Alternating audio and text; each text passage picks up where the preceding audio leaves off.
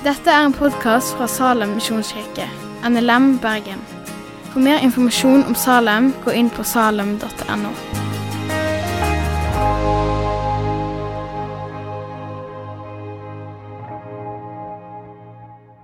Jesus er blitt en kjent skikkelse i Galilea. Og Han har stått fram i synagogen i Nasaret som en av profetene som Det gamle testamentet har talt om, men det ville de ikke høre noe av. Og De prøver faktisk å drive han ut på et stup og styrte han utfor kanten. Men eh, Jesus går bare mellom dem. Og Siden så tar Jesus veien til Kapernaum. Det er Simons hjemby. Eh, og Her har eh, Jesus undervist i synagogen. Eh, han har drevet ut ei ond ånd, og ryktet om Jesus har spredd seg overalt i området. Hvem er denne rabbineren? Hva er det med han?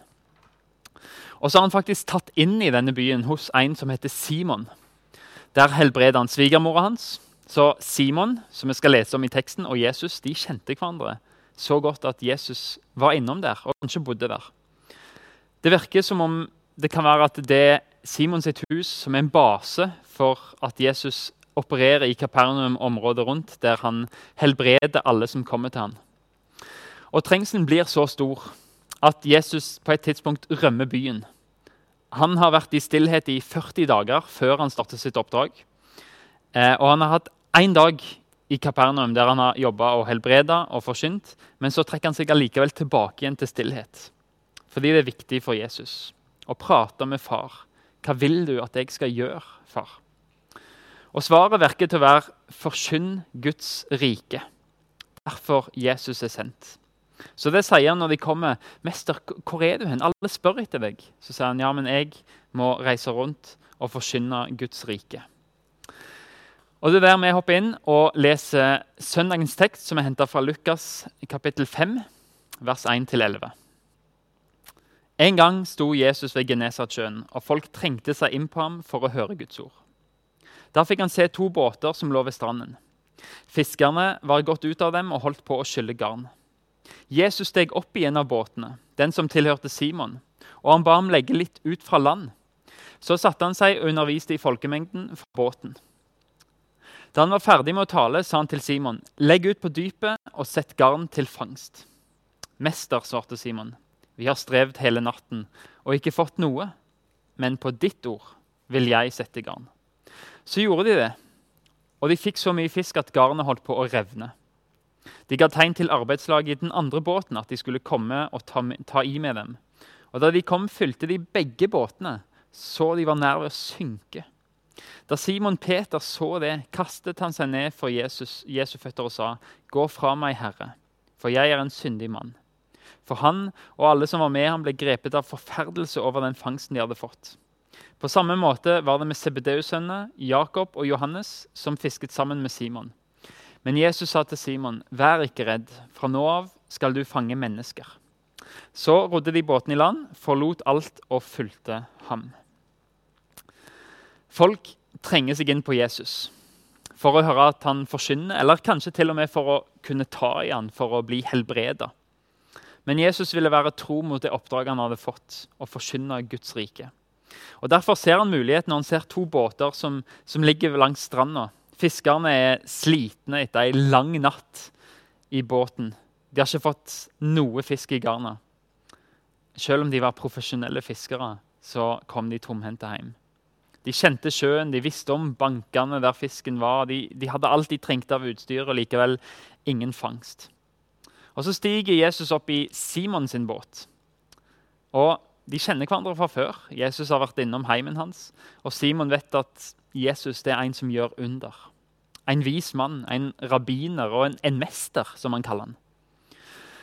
Jesus trekker seg altså bort fra trengselen, fra folkemengden, og setter seg i Simons båt. Der vet han at her kan jeg få snakke til dem uten at trengselen blir for stor, pluss at lyden bærer bra over vannet, så jeg kan tale til dem her. Jeg tror Simon var lei etter ei lang natt uten fangst. Og Nå skal han bare ordne med nettene sine, skylle de, vaske de, og så vil han gå hjem. Nå vil han hvile. Men midt i avslutningen så kommer Jesus og ber om å få bruke båten.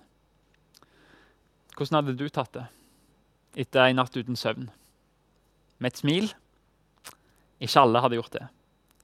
Men hva da når denne tømmermannen, etter å ha talt, sier til de profesjonelle fiskerne Sånn skal dere fiske. På dypet. Om dagen. Det er som å si til en skihopper at ikke ta sats på skikanten. Eller til å si til en angrepsspiller at forsvar er det beste angrep. Det gir ingen mening. Fisken biter om natta, den biter på grunna, ikke på dyp om dagen. Men, sier Peter, mester, på ditt ord. Hva betyr det? Er det siden det er du som sier det, Jesus, på ditt ord, siden du er undergjøreren, så vil jeg ut og fiske? Eller er det OK, Jesus, vi gjør det, men hvis dette går gale, så er det du som har sagt vi skal gjøre det. Det er din feil. Jeg vet ikke. Men fangsten ble i alle fall sensasjonell. Og da de profesjonelle fiskerne ikke hadde fått noen hel natt med forsøk, så gjorde tømmermannen det med et ord. Guds ord. På ditt ord, Herre. Og Jesus var med i begynnelsen av universet og skapa med sitt ord. Jesus var til stede og var med å skape verden. På ditt ord, Herre. Det minner meg om noe som jeg har erfart. Nemlig det at uh, det å tro at jeg er tilgitt, det har ikke alltid vært like lett. Men så en gang så fikk jeg en tanke. Om den var fra Gud, det er ikke alltid godt å si, men den har i alle fall hjulpet meg. Frykten av den tanken har vært god. Den har hjulpet meg til å kunne legge fra meg mine synder og byrder og ikke leve i dårlig samvittighet. Men det var en gang jeg hadde, jeg eh, gikk og sleit med dårlig samvittighet. Men så var det akkurat som om Gud sa se på skaperverket. Kristian. Se på hele naturen. Og den er jo fantastisk. Du har stjerner, du har fjell, du har elver, daler, trær. Og så kom tanken til hvordan har dette blitt til? Jo, Bibelen sier Gud sa, og det blei. Det blei skapt ved Guds ord. Du vet at Bibelen òg er Guds ord, sant? At dette ordet her har den samme kraften i seg som har skapt universet. Det er Guds skapende ord. Og Jeg fikk en tanke. Ta i sanden, Kristian. Spark i steinen. Kjenn hvor ekte det er. Kan du nekte for at det er konkret, at det er ekte, at, at sanden siler mellom fingrene dine, at steinen er fast å holde i? Nei, jeg kan ikke tvile på det. Jeg erfarer det. det. Det virkelig? Det er fordi det er skapt av Guds ord. Sannhetens ord. Naturen har blitt til den har blitt til virkelighet fordi Gud sa, og det ble til. Og Hva mer sier Guds ord? da? Hva mer sier Gud som skaper sannheter? Som skaper virkelighet? Jo, han sier at den som kommer til Jesus med sine synder, han er tilgitt, og han er fri. Guds ord sier det. Det samme ord som skapte fjellene rundt Bergen, som er byen jeg bor i. Det samme ordet sier at jeg er tilgitt og fri om jeg kommer til Jesus. Tilgivelsen i Jesus er like virkelig som steinen huset ditt er bygd på. Den er like reell. Tilgivelsen og fjellene rundt Bergen de har samme opphav. Jeg kan ikke nekte for at fjellene er rundt byen. Like lite kan jeg nekte tro, nekte at Jesus tilgir den som kommer til han. Og Det hender at det tåker i Bergen. Ganske ofte, egentlig. At det hender at jeg ikke ser fjellene, men de er der like fullt. Det hender at jeg ikke greier å tro at Gud tilgir meg fordi jeg føler meg mislykka. Men hvis jeg kommer til Jesus og bekjenner, så er han trofast og rettferdig. Tilgir oss og renser oss. Det er virkeligheten bak følelsene. Det er fjellet bak tåka. Bare hør på de fantastiske ordene Gud sier om de som kommer til han og bekjenner sine synder. Hør hvordan han ser det fra sitt ståsted, og be om at du kan tro på akkurat det samme som han sier. Dersom vi bekjenner våre synder, er han trofast og rettferdig, så han tilgir oss syndene og renser oss for all urett.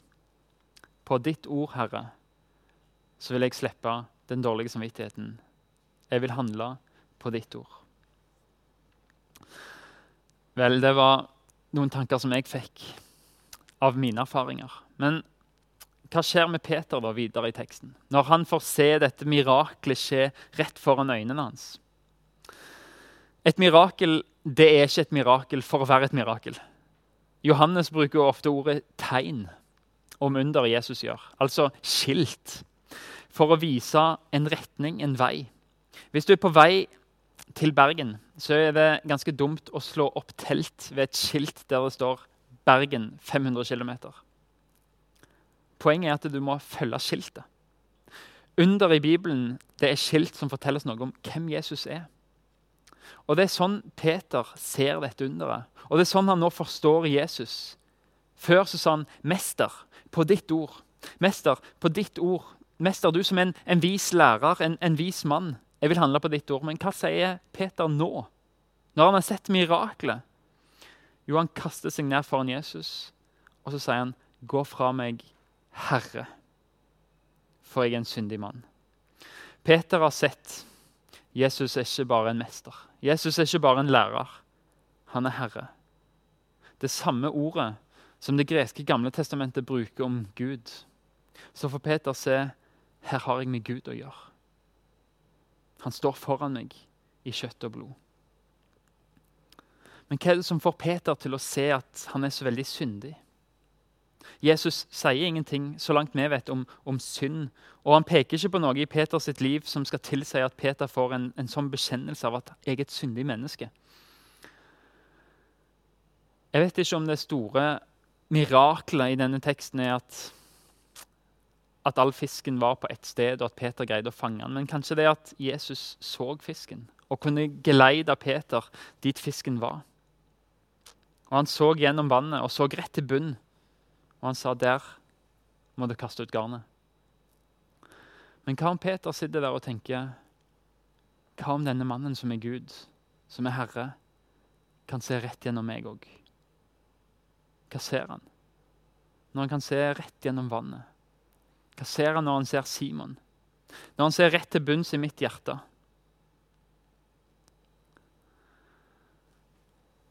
Hva var det Jesus så? Kanskje så han ah, Søren, at han kom nå. Jeg er trøtt, jeg vil hjem. Eller kanskje så han ah, Hva skal dette være godt for? Jeg, jeg er ikke noe klokker for denne presten her. Jeg, jeg er fisker, jeg vil hjem nå. Hva kan vel han om fiske? Han er jo en tømmermann. Vi har et vitnesbyrd i Johannes 2 på at Jesus vet hva som bor i mennesker. Og jeg tror at erfaringen av å bli sett og møtt med dette underet som svar driver Simon til bekjennelse. Gå fra meg, Herre, for jeg er en syndig mann. Men Jesus dømmer ikke. Det er sånne som Simon han vil ha med seg på laget.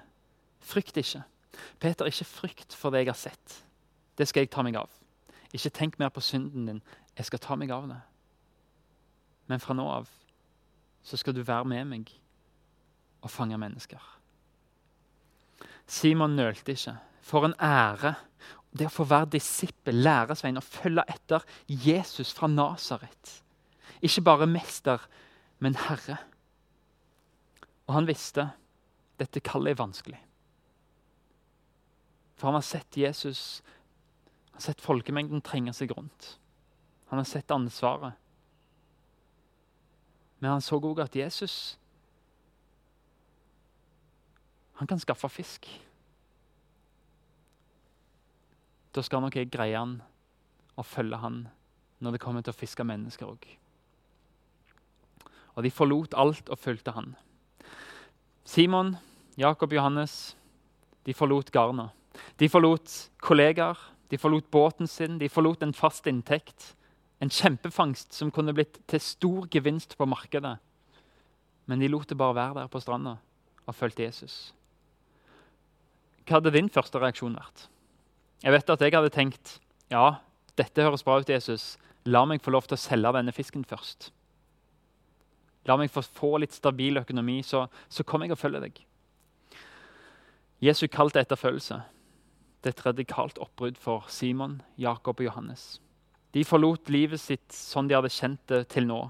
Og Allerede her så starta det et liv hvor de fulgte Jesus helt inn i martyrdøden. Alle utenom Johannes. Det koster å være en disippel. La oss aldri legge det under en stol. At en del av disippellivet er å forsake mye av det vi sjøl ønsker. Men kostnadene vi opplever som disipler, det skaper en avhengighet til Jesus. Og han vil gi oss det vi trenger for å følge han. Det kan koste mye å følge Jesus, men likevel så vinner du alt. Paulus snakker om det vi forlater for å følge Jesus som møkk. Som boss. Og Simon Peter, som forlot Jesus, forlot båten, forlot det livet han hadde skjær og fast inntekt, som fulgte Jesus inn i lidelse. Han skriver seinere og Her er hans konklusjon etter å ha fulgt Jesus gjennom mange forsakelser. Så skriver han i 1. Peter 1.: Lova være Gud, vår Herre Jesu Kristi Far. Han som i sin rike miskunn har født oss på ny til et levende håp ved Jesu Kristi oppstandelse fra de døde. Til en arv som aldri forgår, aldri skitnes til og aldri visner. Den er gjemt i himmelen for dere, dere som i Guds kraft blir bevart ved tro, så dere når fram til frelsen. Den ligger alt ferdig til å bli åpenbart ved tidenes ende. Derfor kan dere juble av glede, selv om dere nå en kort tid, om så må være, har det tungt i mange slags prøvelser. Nå skal vi, sammen med Peter og sammen med hele den verdensvide kirke, få bekjenne denne troen og dette håpet. Jeg tror på Gud Fader, den allmektige, himmelens og jordens skaper. Jeg tror på Jesus Kristus, Guds enbårne sønn, vår Herre, som ble unnfanget ved Den hellige ånd, født av jomfru Maria, pint under Pontius Pilatus, korsfestet, død og begravet, for ned til dødsriket, sto opp fra de døde tredje dag, for opp til himmelen, sitter ved Guds, den allmektige Faders høyre hånd, skal derfor komme igjen for å dømme levende og døde. Jeg tror på Den hellige ånd en hellig allmenn kirke, de hellige samfunn, syndenes forlatelse, legemets oppstandelse og det evige liv. Amen. Takk for at du har hørt på podkasten fra Salem, Bergen. I Salem vil vi vinne, bevare, utruste og sende, til Guds ære. Vi ønsker å se mennesker finne fellesskap, møte Jesus og bli disippelgjort her i Bergen og i resten av verden. Vil du vite mer om oss, gå inn på salem.no. Bye.